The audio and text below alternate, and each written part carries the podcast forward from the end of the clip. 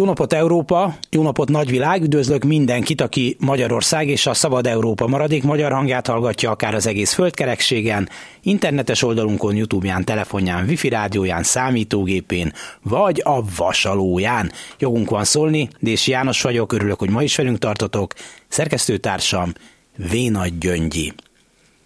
Én vagyok az utca hírmondója, kiáltotta a világá Lópici Gáspár plakátragasztó. Ő még joggal lehetett elégedett a munkájával, mai utódai valószínűleg szemlesütve ragasztják föl a pószterek egy részét a hirdetőtáblákra. Az utca hírmondója ugyanis hazudik, ahogy a köztévének csúfolt fideszes propagandaműsorok, a Mészáros Lőrincnek fialó megyei lapok, a heti lapok, az elrabolt online újságok és a gazul kiigényelt frekvenciákon szóló rádiók jelentős része is. Hazudik, besároz, tönkretesz. Orosz barát és Európa ellenes, primitív. A plakát ráadásul valóban nem egy túl bonyolult közlések átadására való műfaj. Pár gyors villanás, miközben elsétálsz előtte, vagy a busz megállóban a melletted álló képébe folyad a füstöt.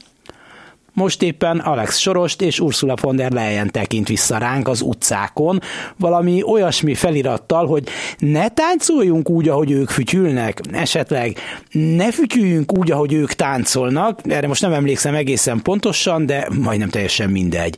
A lényeg, hogy fúj, fúj, levele! Alex Soros megörökölte a plakát szereplést, édesapja helyét vette át, aki ellen plakátozás sokak számára a lelket simogató antiszemitizmus első szép lépése volt. Von der Leyen a hét gyermekes édesanyja, CDU-CSU, tehát keresztény konzervatív, ha ez még jelent itt valamit politikus.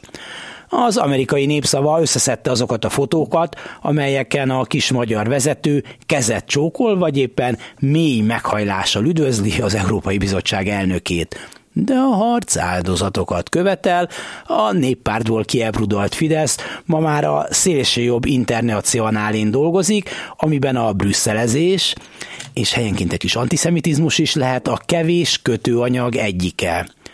Persze, hogy a plakát fogyasztói közül hányan tudják, hogy ki is ez a bonyolult nevű hölgy, az nagy talány. Az átlagos fideszes kedvéért kérem odaírni nyomtatott nagybetűvel, hogy ő a Brüsszel ám. Brüsszel, ami persze nekünk a demokráciát, a szabadságot, a tisztes oktatást, az elérhető egészségügyet, a korrupciómentes világot, vagy legalábbis annak vágyát jelenti. A plakátragasztóknak azt, hogy azért mégsem lehet teljesen putinista diktatúrát csinálni itt, bár mint a régi viccben, az igény már meg lenne rá. Ez a plakát csak annyit jelent, hogy mi a Brüsszelből érkező pénzek mind nagyobb részét tesszük zsebre. Hopp, egy elsőbségi részvény. Na hát egy magántőke alap, egy közérdekű alapítvány, egy offshore cég, vaskos állami vagy EU-s támogatás, letelepedősi kötvény, informatikai találmány, csinos kis kastély, Balatonpart, hazavitt Andrási út, luxusjacht, támogatás. Ugyaneddig mindez azért olyan nagyon azt a Brüsszelt nem zavarta. De mégiscsak, tudják, hogy hol a helyük? Oda csinálunk az ajtajuk elé, és bekopogunk WC papírért, hát majd arra kenjük az egészet. Megjegyzem a plakátkampányon, amely közpénzből. Te is, te is, te is ott hátul fizetünk. Na ki nyer? Vajon kivisz ebből is az a pár tíz vagy százmilliót? A becsületes megfejtő között zsebben hordható, rugóra járó állami számvevőszékeket sorsolunk ki.